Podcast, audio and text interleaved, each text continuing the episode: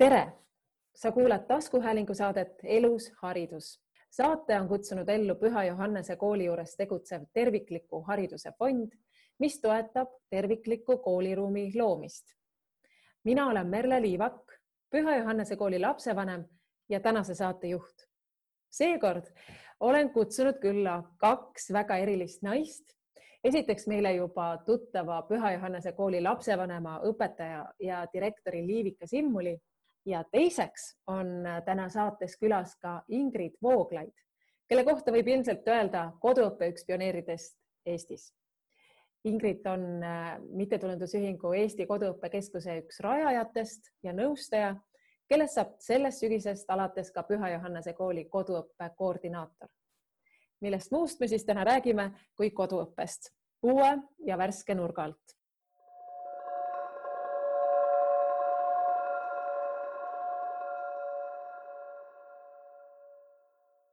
tere.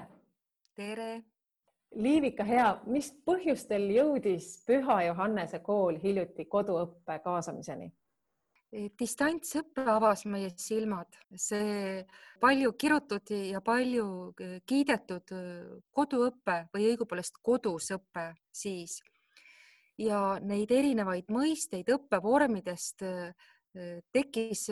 meie lauale nagu seenekesi pärast vihma muidu kool äh, tähendas ju ikka seda, et tullakse hommikul kokku, õpitakse koos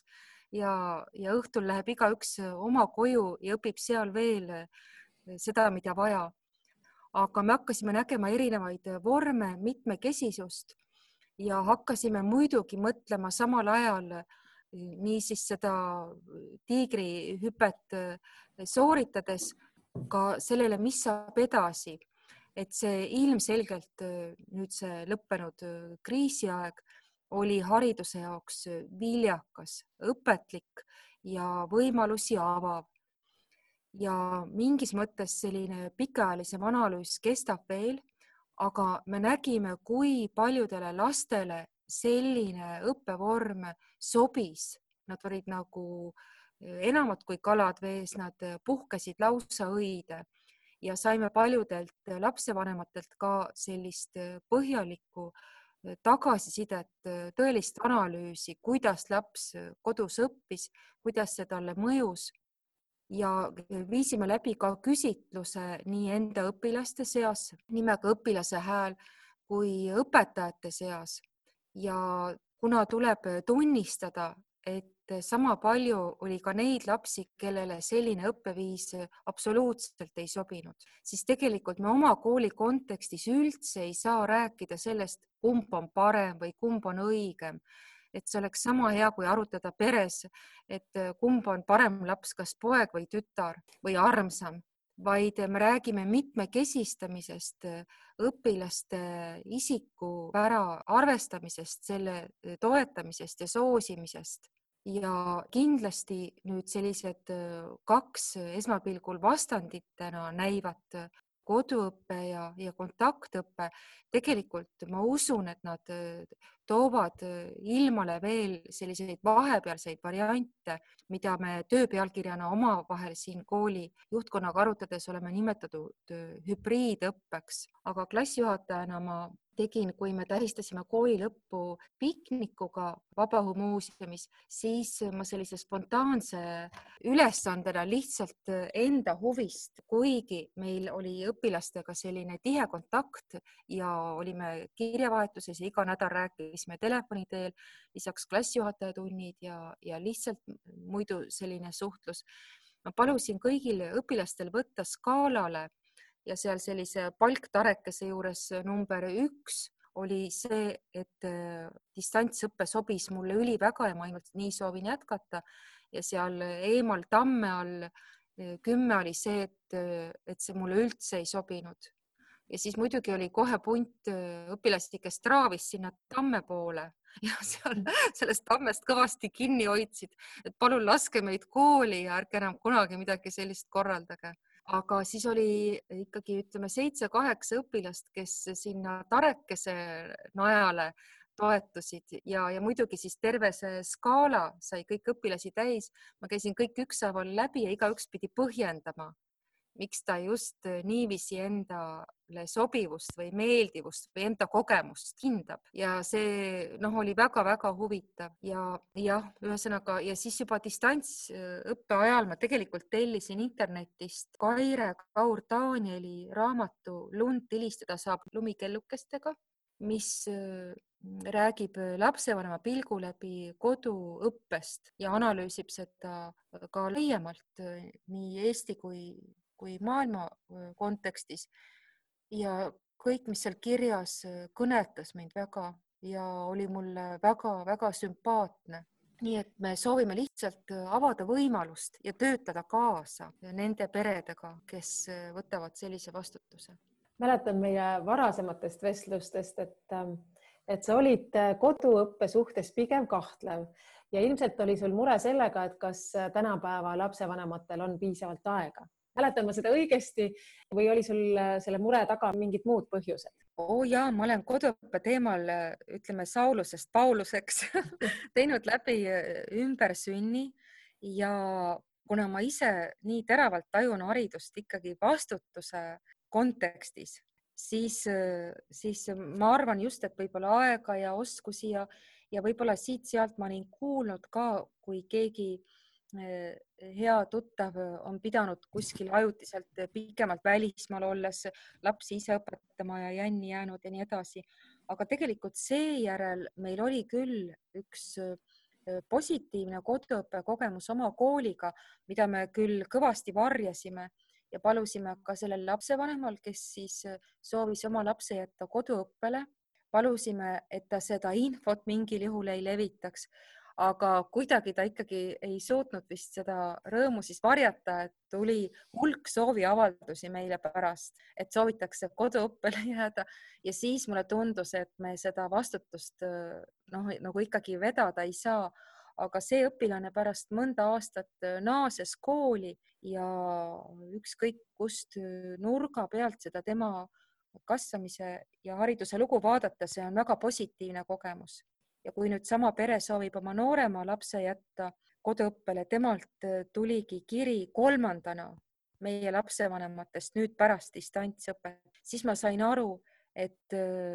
sellega tuleb kaasa minna, seda toetada, seda tundma õppida seda kogemust äh, mõtestada, äh, see sai ikkagi määravaks, et meie omad inimesed näevad äh, haridust palju mitmekesisemalt ja laiemalt ja ma hakkasin ise siis selle kohta ka põhjalikumalt uurima ja olin väga õnnelik muidugi, kui me kohtusime Ingridiga, kes on selle valdkonna inimene. mul oli selline tunne, et kuidagi nagu teed mõnikord inimeste vahel looklevad, looklevad kuidagi ja siis ühel õigel hetkel lihtsalt ristuvad, et see hetk, kui meie Ingridiga kokku saime, tundus kõik olevat nii küps ja valmis. kas peale meie kahe veel keegi selle soodsa tingimuste hetkega liitub, seda me veel ei tea, aga meie oleme valmis jah, nägema hariduse vorme ja viise palju mitmekesisematena kui võib-olla pool aastat tagasi Ingrid, sinu käest äh, uurikski alustuseks, et mis vahe on kodus õppel ja koduõppel. kui oli äh, koroonakarantiin nüüd sel erilisel kevadel, siis äh, õpilased suundusid kodus õppele, aga on seal suurem või väiksem vahe? tere, mul on suur rõõm siin taskuhäälingus olla ja tõesti koduõppel ja kodus õppel on üsna suur vahe, sellepärast et koduõpe lähtub äh, konkreetse lapse vajadustest ja talle on tehtud individuaalne õppekava, mida ta järgib. aga kodusõppel on äh, kooli poolt äh, korraldatud see õpe, et järgitakse ikkagi terve klassiga korraga sama õppekava ja sama ka tunniplaani isegi, et interneti teel on siis loengud ja seminarid, jaotakse kodutöid ja iga päev peab olema teistega sama järje peal. et see ongi põhimõtteliselt Äh, kool, mis lihtsalt toimub erinevates kohtades korraga sama plaani järgi, aga koduõpe on äh, palju paindlikum ja, ja pakub palju rohkem võimalusi äh, konkreetse lapse ja pere vajadustest ja võimalustest lähtuda. Ma ise teise klassi kooli jutsi vanemana tundsin seda, et, et mis oli kodus õpe võib-olla kõige raskem koht lapsevanema jaoks oligi see, et iga päev pidi nii mitmeid erinevaid aineid ette võtma et nagu päev kippus enne otsa saama, kui me, kui me selle rütmi niimoodi oleks osanud hoida, et õigeks ajaks siis äh, kõik ained läbi võtta. aga kodu, koduõpe on siis paindlikum ilmselt ka selle poolest, et mitut ainet sa päeva või, või, või isegi mitme jooksul läbi teed, eks ole? ja kindlasti võib näiteks teha niimoodi, et sel nädalal keskendume rohkem matemaatikale, mõnel teisel nädalal lähme loodusesse matkama et eh, selles osas on paindlikkus palju suurem. aga räägi, Ingrid, eh, sa oled eh, koduõppega tegelenud pikki aastaid, kuidas sa selle teemani üldse jõudsid? ja ma olen umbes viisteist aastat tegelenud selle valdkonnaga. aastal kaks tuhat viis osalesin MTÜ Eesti Koduõppekeskus rajamisel ja ma ei mäleta, et mul enne kahekümnendaid eluaastaid oleks koduõppega mingit kontakti olnud, kuigi hiljem ma sain teada, et kui ma laps olin, siis tervislikel põhjustel minu vanemad olid ka mõelnud koduõppe peale, aga ma ise ei teadnud sellest ja teadlikuks ma sain valdkonnast siis umbes oma kahekümnendate eluaastate alguses. ma töötasin tegelikult samal ajal koolipsühholoogina ja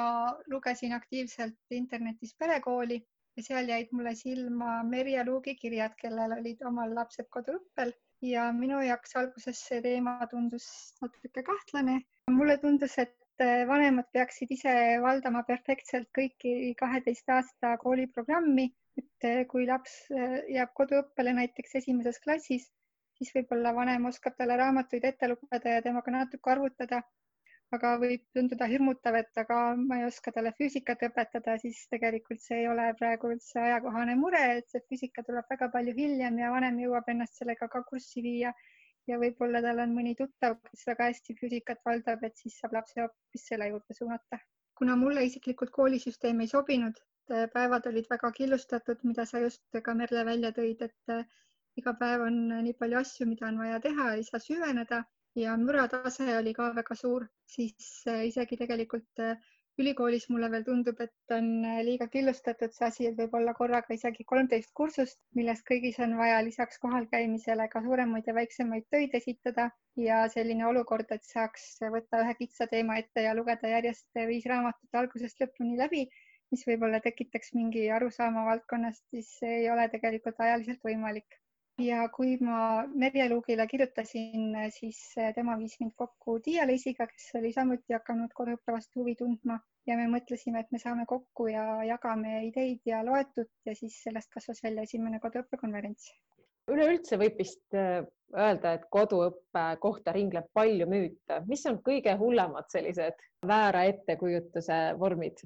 ja kõige levinum müüt kindlasti on see, et äh, koduõppel on laps üksi nelja seina vahel teiste inimeste ja päriseluga üldse kokku ei puutu ja seetõttu tema jääb sotsialiseerumata. aga tegelikult on vastupidi, kuigi kindlasti see sõltub vanematest ja nende eluviisist, kui palju nad ise teistega suhtlevad.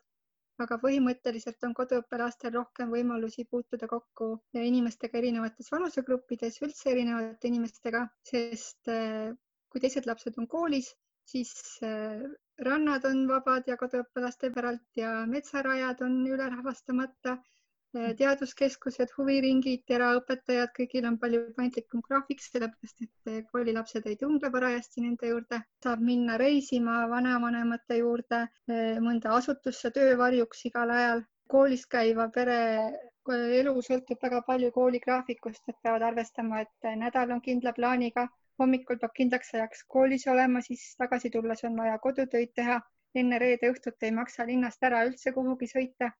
Äh, koduõppelastel on äh, palju rohkem võimalusi selles osas suhelda inimestega, et nemad ei ole ühe linnaosa samas vanuses lastega päev läbi klassis koos. ja see kõik kõlab jube inspireerivalt ja tahaks nagu isegi sinnapoole vaadata, võib-olla mõeldes oma koolilapse võib-olla sellise iseloomu või, või huvide peale, aga selle juurde tuleks natuke hiljem tagasi, et küsin seda, et oskad sa välja tuua tuua mõnda riiki, kus võib-olla koduõpe on väga hästi korraldatud ja, ja kus see õitseb ja kus on võtta edulugusid? ma arvan, et meil Eestis tegelikult on praegu hetkel üks paremaid koduõppe seadusandluseid, vähemalt Euroopas. Inglismaal on minu teada kõige liberaalsem koduõppekord, et nemad ei pea isegi olema kusagil kirjas ja mingit aruandlust tegema, et seda üritati vahepeal muuta, aga see ei õnnestunud. Ameerikas sõltub osariigist, aga üldiselt koduõpe väga õitseb seal, et seal on ikka miljonites koduõppe koduõppel olevaid lapsi ja erinevate lähenemiste mitmekesisus on väga suur, et äh, koduõppepered võivad väga-väga erinevalt seda teostada, aga isegi näiteks Venemaalt ma olen kuulnud äh, väga häid lugusid. Üks isa käis meil paar aastat tagasi kevadpäeval oma perekogemusest rääkimas, kes oli tegelikult venelane ja Venemaal olid lapsed kirjas, aga nad elasid Leedus, nii et neil oli kaugel elades koduõpe ja nemad olid oma õppimisega nii hästi hakkama saanud, et äh, kool tegi neile järeleandmisi kontrolli osas, tegelikult äh, nad oleks pidanud iga aasta eksameid tegema. aga kuna neil oli nii hästi korraldatud, et äh, õpetajatele tundus, et lapsed on geeniused, siis nad ei pidanud nii sageli tegema neid eksameid, aga tegelikult neil oli lihtsalt see õppekorraldus selline, et nad keskendusid ühele ainele lühikese aja jooksul intensiivselt ja tegid selle eksami kohe ära ja siis võtsid järgmise ette. Kui palju nõuab äh, vanema kohalolu üks selline edukas koduõppe vorm? mulle isiklikult tundub, et päris palju nõuab, aga praktikas on kindlasti peresid, äh, ma tean ka Eestis, kus äh, kas mõlemad vanemad käivad tööl või ongi ainult üks vanem. et siis kas lapsed on tööl kaasas või need vanemad töötavad kodus, et see on kindlasti võimalik aga põhimõtteliselt äh, mina sellist korraldust ei soovita kindlasti, kus laps on päev läbi lihtsalt üksi kodus, et mm -hmm. kui laps võetakse koduõppele, siis tuleks temaga ikka tegeleda. aga millised vanemad ja, ja, ja miks valivad siis äh, tihti laste harimiseks koduõppe? minu kogemuses valivad koduõppe peamiselt sellised vanemad, kellele lihtsalt väga meeldib oma lastega koos olla ja kellele endale meeldib õppida. Nad tahavad äh, jagada õppimise rõõmu ja võib-olla nad on näinud, et nende lastel on koolis õpirõõm kaduma läinud, lapsed ei usu enam, et nad äh, suudavad hästi õppida või et äh, miski neid enam huvitaks, sest äh, nad on pidanud just selle killustatusega tegelema paljude asjadega pealiskaudselt, neil ei ole olnud aega süveneda sellesse, mis neid tegelikult huvitab võib-olla on rohkem pandud rõhku nendele asjadele, milles nad ei ole väga tugevad ja on jäetud tähelepanuta need asjad, millega nad saavad väga hästi hakkama. Ja vanemad tahavad äh, siis äh, aidata lastel äh, seda õpirõõmu tagasi saada ja, ja ise koos õppida. Ma ise lihtsalt hiljaaegu tegin oma perega läbi ka ju selle karantiini aja kodus õppe ja, ja noh, võib-olla see kodus õpe oma sellise intensiivse rütmiga oligi selline halb, halb sissejuhatus seda koduõppe võimaluse nagu mõistmiseks või aga, aga just noh, mulle endale tundus see, et, et, et ühtäkki niimoodi vanemast saab pedagoog, et see võib mõnes peres päris keeruline olla, et ma kuulsin, et me pole ainsad, et tõesti on selline tunne, et sul ei ole piisavat autoriteeti selles liinis. laps ikkagi püüdis igal võimalusel ennast niimoodi kõrvale nihverdada koolitükkidest. huvitav, kuidas selle autoriteediga on, et kas see kuidagi siis muutub või kui see rütm võib-olla oleks teine, et siis see kuidagi hoopis nagu, et see koostöö võiks olla nagu parem või sujuvam või oskad sa seda kommenteerida? see võib küll muutuda, ma olen kuulnud äh, vähemalt ühte lugu, kus äh, vanem jättis lapse spetsiaalselt sellepärast koju, et äh, ta tundis, et tal ei ole lapse üle enam nii palju autoriteeti, kui võiks heas mõttes just mitte autoritaarse kasvatuse suhtes. Ja ta jättis lapse koju selleks, et, et nad saaksid oma suhet tugevdada, et nad saaksid äh, õppida teineteist austama ja neil läks see väga hästi, aga see eeldab ikkagi just seda, et äh, vanem tegeleb endaga ja et ta ei, ei, äh, et ta võtab teadlikult seda, et ta tahab olla autoriteetsem vanem see tähendab, et ta austab last ise rohkem ja ta ootab ka lapselt enda suhtes rohkem austust, et sageli või noh, on oht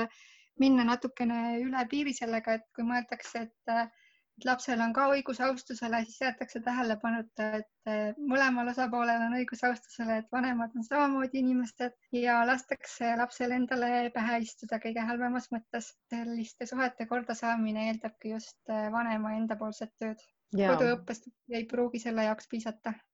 Liivika, nüüd palun sinult jälle äh, kommentaari selle kohta, et äh, Ingrid rääkis pähe istumisest ja, ja ma olen, olen ise kogenud äh, siin selle karantiini ajal ja kuulsin, et ka teistes peredes tegelikult oli suur probleem see, et, et ekraanid ikkagi tõmbasid laste tähelepanu ja, ja huvi väga palju, nii et kui koolitükid said tehtud ja otseselt arvutiga enam tegelema ei pidanud, siis, siis ikkagi need nutiseadmed olid kuidagi eriliselt sihikul äh, sellel perioodil, noh, võib-olla ka seepärast, et äh, teisi tegevusi või, või võimalusi vabalt liikuda ei olnud nii nagu tavaliselt, aga ikkagi et need digiseadmed on üha enam meie reaalsus ja siit küsimus, et kuidas koduõpet korraldada nii, et, et laps lõpuks lihtsalt arvutis ei istuks? no kodusõppe puhul eks ole, on laps ju seotud nagu sellise digitaalse nabanööriga kooli külge, kogu infovahet õpetajatega ja ka kaaslastega nüüd sellel karantiini ajal käis ju ikkagi nende elektrooniliste vahendite kaudu. Ja ausalt öeldes ma ise olen küll üpris mures, et missuguses seisus meil sügisel lapsed kooli tulevad, kas ja kui palju ja kellel on mingisugused eh, sõltuvused kujunenud, et üldiselt meie koolis oli selle teemaga ju väga hästi tänu teadlikkusele, mida on tõstnud ka need ekraanivaba päeva eh, sotsiaalkampaaniad ja siin meie noh, ütleme õpetajate ja vanemate omavaheline jagatud selline nagu kokkulepe ja ka laste poolt siin koolis sees ei olnud mingisugust noh, sellist protesti või ütleme, et oli teadlikkus ja nüüd selle eest tuli ju päris valusat hinda maksta, kuna oli hulk õpilasi, kes ei tundnud klaviatuurigi, aga järsku tuli, eks ole, lae ja saada ja postita ja tõmba ja nii edasi. Õnneks see küll lahenes esimeste nädalatega, aga ütleme, ta oli ikkagi väga nagu äärmuslik sinna digimaailma sisenemine. Ja teine selline risk on kindlasti murdeealistel, kes nüüd ka ju õppimise puhul, nad on iseseisvad, nad ei soovi, et neid aidatakse, nad lähevad oma tuppa, nad panevad ukse kinni ja murdeealisel peab selline õigus olema. Ja siis juba sõltus suhtest vanematega, et kas oli vaja abi reguleerimisel või laps ise oskas küsida või siis oli, ütleme, sellist ennastjuhtivust juba et meil oli väga suur abi sellest äh, suurest muutusest, mida me viljelesime möödunud õppeaastal oma hindamissüsteemiga, kus me tõime fookusesse lapse enese hindamise, eneseanalüüsi, enesereflektsiooni, enesejuhtimise võime. vähemalt äh, lapsed olid hästi teadlikud ja pärast äh, siis õppeaasta lõpus sellised eneseanalüüsid, need olid ikkagi väga-väga sisulised ja väga sellised ausad ja, ja adekvaatsed. aga nüüd, kui tulla selle digiseadme juurde koduõppe puhul, siis see ei ole ju üldse, see maht ja osakaal on hoopis teine seal ikkagi saab ju kasutada igasuguseid, saab kasutada pabereid ja paberil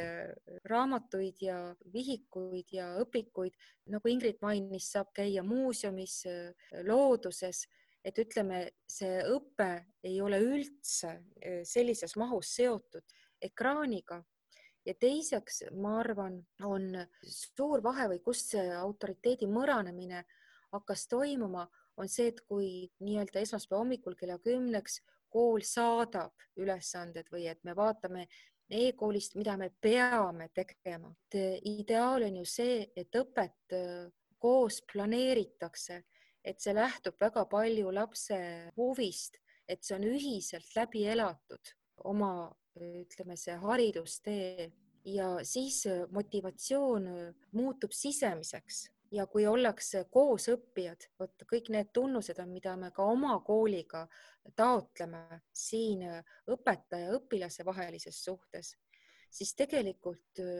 see autoriteet teiseneb, see muutub selliseks sisuliseks partnerluseks. Sinu jutu jätkuks äh, tahaks just tuua välja selle tunde, et olgugi, et see karantiini ajal see kodusõppe programmi läbimine oli noh, väljakutse, siis üks asi, mida ma märkasin, oli küll see, et kui laps on täiesti selle lapsevanema tähelepanu haardes, ja, ja lapsevanem toetab last igal sammul, siis tegelikult lapse siis akadeemilised tulemused, need nagu mitmekordistusid. see, kui selgeks ta need asjad sai, et see oli, see oli nagu vaimustav. ma selle peale noh, olen mõelnud, aga, aga nüüd on see kogemus ka käes, et kui palju tegelikult vanema selline tõesti keskendunud nagu tugi last aitab ja, ja ma tooksin veel ühe sellise huvitava fenomeni sisse, mida me panime tähele distantsõppe tulemusena ajal ja juba tulemusena. Ja me istusime õpetajatega, kui juba lapsed olid õppeaasta lõpetanud siin koolis aatriumis suures ringis ja igaüks sai rääkida, kuigi kirjalikult ja koosolekutel me olime juba hästi palju oma sellist ühist kogemust reflekteerinud ja vot sellises ühises vahetusringis tulid esile ka sellised ühised järeldused või, või ühised leiud ja üks, mida kõige sagedamini mainiti, oli see, et õpilased muutusid rohkem isikupärasteks ja õpetaja ja õpilaste vahel tekkis parem kontakt, parem suhe ja just nendega, kellega võib-olla, kas seal oli raskusi või mingi mure, et see nagu väga lähendas, liitis, ühendas, õpetas tundma sellisel sügavamal isiklikul tasandil, aga ma ise kirjanduse aine puhul näiteks panin tähele, et õpilaste tööd olid üksteisest väga palju rohkem erinevad, et kuigi noh, nüüd oli ka justkui sellise Youtube'i tunnina ühine sissejuhatus, ühine ülesande püstitus või ühine selline lähtepositsioon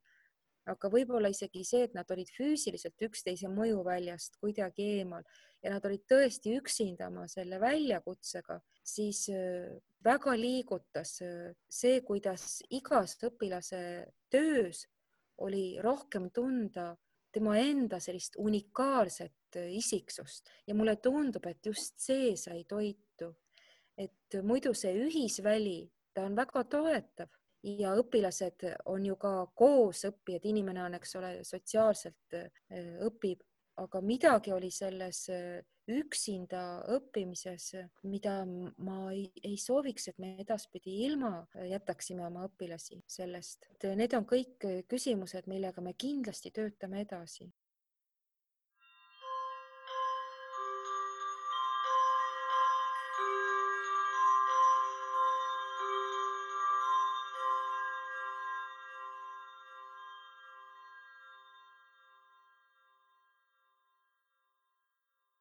Ingrid, sinule küsimus, et käisin kunagi koduõppe lapsevanemate kohtumisel, ma kuidagi niimoodi sõbrannaga sattusin kaasa minema ja, ja kuulasin nende vanemate kogemusi ja üks asi, mis mul meelde jäi, oli see, et, et selleks, et nii-öelda kooliprogrammi täita või, või et, et lõpuks neid äh, eksameid teha, kulus lastel päevas äh, koolile tegelikult mõnikord ainult üks tund, kaks tundi, võrreldes sellega, et, et muidu on koolipäev ju tihti ikka kuue, seitsme, kaheksa tunnine. Ja ma mõtlesin seda, et kui tore, tol ajal mul oli üks laps ja ta oli beebi, et noh, et uskumatu, et nii palju aega, mida kõike sellega saab ette võtta. Aga, aga nüüd, kus mul on juba kolm sellist kooliealist ja eelkooliealist last, siis, siis mind muidugi minus tekitab hirmu. See teadmine, et väga suur osa päevast ongi täitmata ja, ja pean ju ka mina mingeid töid tegema ja, ja, ja ka kaasa, et kuidas seda koduõppel oleva lapse päeva ikkagi täita? lapsed Küsimus. täidavad ise oma päeva, kui nad on äh, kasvanud niimoodi, et neil on aega süveneda oma tegemistesse, neil on mingid huvialad, äh, millega nad tahavad tegeleda, siis nad võivadki tegeleda sellega mitu päeva järjest ja keegi ei katkesta neid iga neljakümne viie minuti tagant. koolis kulub äh, väga palju aega sellele, et teha sissejuhatustundi ja kokkuvõtet ja vahetada aineid ja klasse ja hoida distsipliini, minna ja tulla ja õpikuid kokku korjata ja töölehti laiali jagada ja seletada lastele, kes aru ei saanud samal ajal, kui teised on juba kaugel ees. kui laps äh, saab individuaalset juhendamist, äh, siis ta saab seda seni, kuni ta saab sellest asjast aru ja talle seletatakse seda nii, nagu tema just sellest aru saab, mitte nii nagu kakskümmend neli last võiksid aru saada. ja siis tal on ka huvi sellega võib-olla iseseisvalt tegeleda mina olen kuulnud selliseid lugusid, et juba nelja-aastased lapsed käivad vanematel töövihikuga järel ja räägivad, et tahaks kodus kooli teha, sest nad on näinud, et vanemad lapsed õpivad nii koolis kui koduõppel ja neil ei ole väga probleemi sellega, et oma aega sisustada. kas sinu kogemus on see, et, et vähemalt üks vanematest peaks ikkagi oma töödest, eneseteostusest loobuma selleks, et olla toeks siis kas siis ühele või, või võib-olla ka siis mitmele lapsele, kes on koduõppel? No see sõltub, mida keegi eneseteostuseks peab ja kuidas ta oma töö on korraldanud. võib ju ka kodus töötada, võib lapsi tööle kaasa võtta. Eh, minule lapsena väga meeldis eh, kaasa sõita, kui eh, minu kasuisa käis tööreisidel. väga huvitav oli näha Eestit ja kohtuda erinevate inimestega ja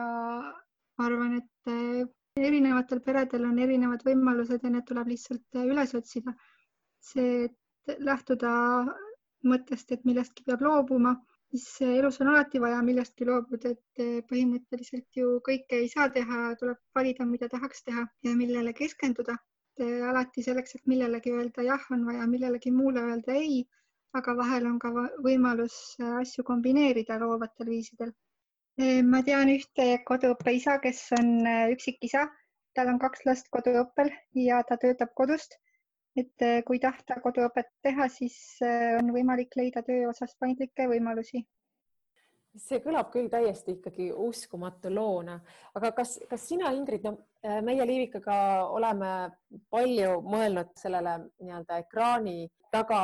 veedetud ajale või see, et kui laps seal liiga palju on, et kas, kas sinu kogemusel ei ole seda tendentsi praegu, kus äh, digitaalsus meid piirab igalt poolt, et need koduõppelapsed võivad nagu liiga sinna ekraanide taha ära kaduda? ma arvan, et see sõltub eelkõige perekultuurist, et äh, Püha Johannese kooli koduõppe visiooni me panime ka sisse, et me eelistame reaalset suhtlemist ja ei jää digimaailma kinni. see, kas vanemad ise annavad eeskuju lastele, kuidas nemad kasutavad nutiseadmeid ja kui palju nad sellele tähelepanu pööravad, seda võtavad lapsed omale eeskujuks ja kui nad on koduõppel, siis muidugi, kui vanemad seda lubavad, siis neil on põhimõtteliselt võimalik olla päev otsa arvuti taga, mida mina kindlasti ei soovitaks, aga ikkagi vanemad peaksid äh, teadlikult pöörama tähelepanu sellele, kuidas nad ise kasutavad nutiseadmeid, kui palju nad ise veedavad aega arvuti taga, kui palju nad äh, tunnevad ja väljendavad rõõmu muudest tegevustest, mis ei ole üldse arvutiga seotud ja millest võib-olla ei jäägi sotsiaalmeediasse kuhugi jälge maha. kas nad õpetavad lastele, et äh, need asjad, mis elus toimuvad, on olulised äh, iseenesest või on neid vaja meedias jagada kellegagi, et äh, seda kõike saavad vanemad ise suunata mu enda perekogemus on see, et minu ja mu kaasa töö on ikkagi suuremas osas äh, arvuti taga ja lapsed on hakanud ise ütlema ka, et noh, aga sa ise oled ka kogu aeg arvuti taga. see on nagu selline päris suur pähkel, et kuidas sellest äh, olukorrast väljuda niimoodi kõik koos võitjana ja, ja üks asi, mis me oleme mõelnud, ongi see, et me peamegi mingisuguse sellise töö ikkagi leidma või kombineerima selle meie põhitööga mingi muu sellise tegevuse, mis on ekraaniväline või ekraanidest vaba. Ju siis see on üks suur looming ikkagi igal perel leida see oma koduõppekeskkond või luua see ja kindlasti, aga ma arvan, et äh, kui on töö arvutis, siis seda saab ka lastele praktiliselt äh, näidata ja seletada, et see on töö ja ma ei istu näiteks Facebookis samal ajal ja ma tegelengi otseselt tööga ja ei mängi seal mänge. töö ja ajaviide on erinevad asjad, et lapsed ju ka õpivad, äh, mida arvutis tehakse telefonis. ja mul on üks küsimus, Ingrid, sulle veel selle kohta, et ähm, aga mis siis saab kogukonnast, et Püha Johannese koolil on ju tugev kogukond ja see on väga-väga suur eelis sellel koolil. aga, aga nüüd tulevad meil koduõppelapsed, kuidas nemad sellesse kogukonda siis äh,, kuidas nemad suhestuvad selle kogukonnaga või mis võimalused neil on kogukonnast äh, osa saada? Ja sinna kooli koduõppe visiooni me panime ka kirja, et me toetame kogukonna loomist. Ja ühest küljest kindlasti need vanemad, kes tulevad Püha Johannese kooli koduõppele, nad peaksid mingil määral vähemalt seostuma selle kooli kultuuriga ja, ja kooli taustaga ja, ja sellega tundma, et see kõlab nendega kaasa, aga teisest küljest, kui ühes koolis on mitu peret, kes teevad koduõpet, siis nad saavad omavahel koostööd teha. me hakkame korraldama koolisiseseid koduõppepäevi, kus on vanemate tugigrupp, nad saavad omavahel jagada tehtud ja leitut ja üksteiselt tuge on võimalik teha ju raamatuklubisid ja isadeklubisid ja igasuguseid töötubasid, kus lapsed ise õpetavad teistele lastele või ka vanematele, mida nad on õppinud. kui on mitu peret ühes kohas koos, siis koostöövõimalusi kindlasti saab tekitada. Liivika, on sul kindel veendumus selles osas, et millise hariduse saavad äh, koduõppelapsed, mis neist tulevikus saab? kindlasti see sõltub nende vanematest eeskätt ja nende omavahelisest äh, suhtest, mõistmisest, kui sügav ja toetatud see on. Aga ma lugesin, et näiteks maailma võimsamad ülikoolid eelistavad koduõppe õpilasi vastuvõtul uute tudengite seas, sest neil on parem enesejuhtimisvõime, selgem motivatsioon, tugevamad toimetulekuoskused, et ma usun, et kui on tugev vastutustundlik perekond, kes on saanud äh, ka koolilt äh, sellist äh, head tuge ja inspiratsiooni, siis ma arvan, et need lapsed on ilusad ja tugevad ja, ja terved. ma usun ja loodan seda väga. kas Eesti koduõppel olnud laps saab tulevikus minna Eesti ülikooli? Ma usun kindlasti ja meil olid paar aastat tagasi Hiiumaal meie lennu perelaager, nagu meil iga lend õppeaasta lõpus käib kuskil Eestimaa nurgas looduskaunis kohas perelaagris. me sattusime elama kogu lennuga telkides ühe Hiiumaa pere koduõuele, kes oli ise oma lapsed kasvatanud koduõppel ja seal kuulasime ka õpetajad pead viltu jutustust sellest, kuidas Äh, lapsed on kuldmedaliga lõpetanud gümnaasiumi ja tütar äh, õppis äh, Tartu Ülikooli arstiteaduskonnas ja poega ma ei mäleta, nad mõlemad musitseerisid ja nendest õhkus just nimelt terviklikkust ja, ja sellist rahu ja kui need vanemad sellest kõigest rääkisid, siis tõesti, nagu Ingrid ütles, et see küsimus eneseteostusest ka avardub, võib-olla me hakkame väljuma sellest ajast, kus äh, eneseteostus oli midagi sellist. Ainult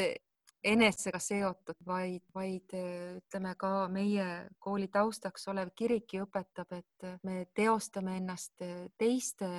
hüvanguks, teiste heaks, teiste rõõmuks et võib-olla emana või, või isana seda enda jaoks teadvustada on,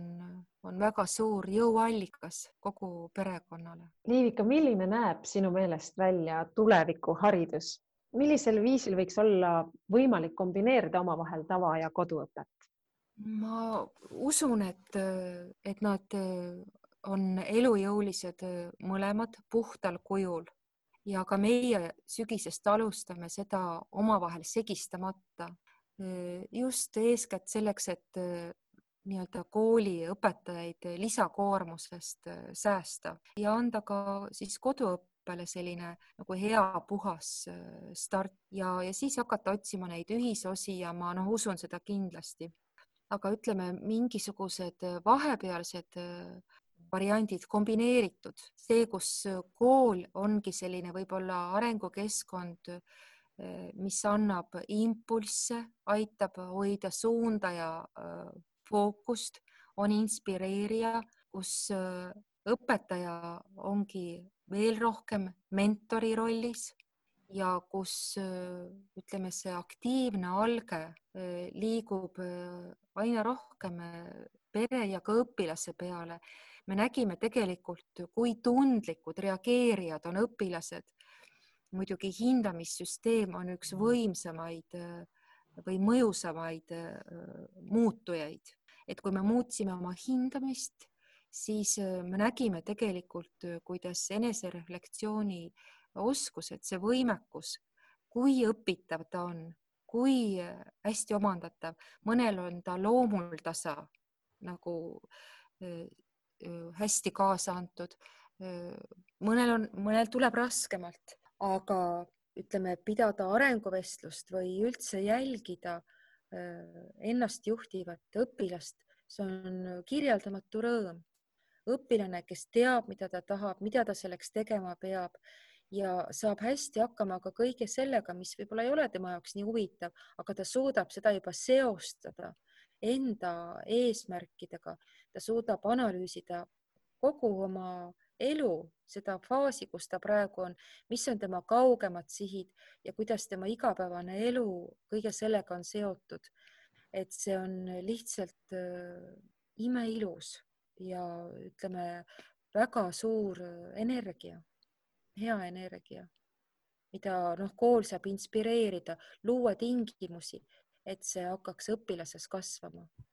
Ingrid,